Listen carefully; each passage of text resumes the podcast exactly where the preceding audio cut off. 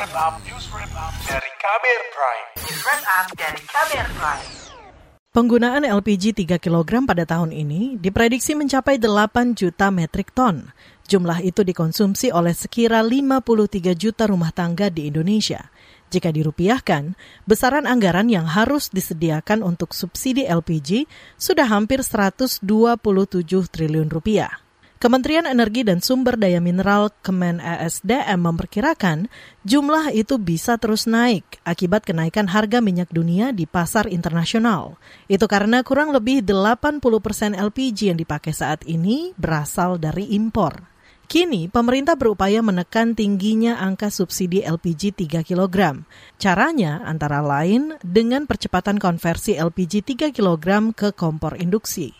Koordinator Harga Tenaga Listrik Direktorat Jenderal Ketenagalistrikan Kemen ASDM, Ferry Triansyah. Tapi di sisi nasional kita punya energi listrik yang cukup banyak. Oleh karena itu harus ada yang mengantisipasi bagaimana energi untuk memasak itu bisa beralih dari gas ke listrik.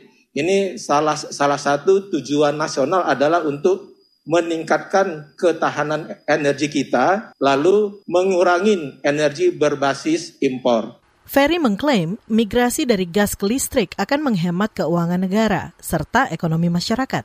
Sebab menurutnya penggunaan kompor induksi terbukti lebih hemat dibanding LPG. Saat ini harga LPG 3 kg sekira Rp21.000 atau Rp7.000 per kilogram. Sedangkan harga LPG non-subsidi Rp17.750.000 per kilogram. Dengan harga keekonomian tersebut, pemerintah mensubsidi LPG 3 kg sebesar Rp11.750 per kilogram.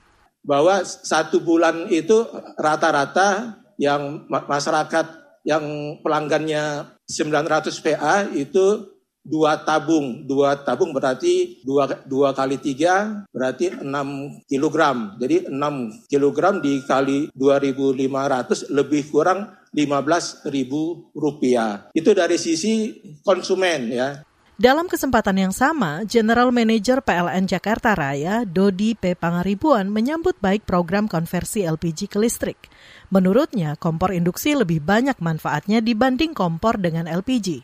Manfaatnya antara lain aman, mudah, praktis, dan hemat, baik bagi negara maupun konsumen. Dalam dua tahun terakhir ini pengguna kompor induksi kita khususnya di Jakarta meningkat. Kalau catatan kami sekitar 15.000 sampai 16.000 eh, pengguna memang tidak banyak karena pelanggan PLN di Jakarta ini hampir 5 juta. Dedi menjamin akan banyak kemudahan dan fasilitas yang didapatkan jika konsumen beralih dari LPG ke kompor induksi. Antara lain berupa insentif khusus, semisal gratis pemeriksaan dan penambahan instalasi. Selain itu, pelanggan juga tidak perlu khawatir listrik akan jeglek saat memasak, karena akan ada penambahan jalur khusus memasak hanya untuk kompor induksi. Saat ini, pemerintah dan PLN telah melakukan percobaan konversi kompor LPG ke kompor induksi. Percobaan dilakukan di Bali dan Solo, masing-masing untuk seribu keluarga penerima manfaat dengan golongan listrik 450 volt ampere dan 900 volt ampere. Nah, nanti mulai akhir Oktober, akan dibagikan 300 ribu kompor induksi di Pulau Jawa. Tahun berikutnya dan tiga tahun berikutnya, jadi tahun depan, kemudian tahun 2024, tahun 2025, direncanakan akan ada konversi masing-masing 5 juta per tahun. Jadi 300 ribu, tambah 5 juta, tambah 5 juta, tambah 5 juta. Rencananya seperti itu. Sementara itu, peneliti dari Pusat Riset Ekonomi Perilaku dan Sirkuler Badan Riset dan Inovasi Nasional BRIN, M. Indra Al-Irsyad mengatakan ada beberapa hal yang harus bisa dijawab atau dijelaskan pemerintah kepada masyarakat terkait program konversi dari kompor LPG ke kompor induksi. Antara lain, evaluasi berbagai skema kebijakan untuk pelanggan golongan subsidi. Kemudian, identifikasi persepsi, perilaku, dan potensi konflik sosial yang mungkin muncul di masyarakat. Namun, ia mengapresiasi proses uji coba di masyarakat yang kini tengah dilakukan PLN dan pemerintah.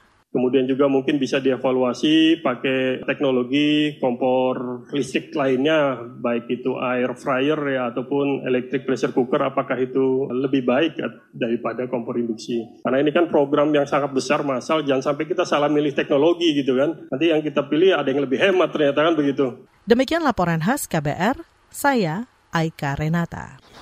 Kamu baru saja mendengarkan news wrap up dari KBR Prime. Dengarkan terus kbrprime.id, podcast for curious mind.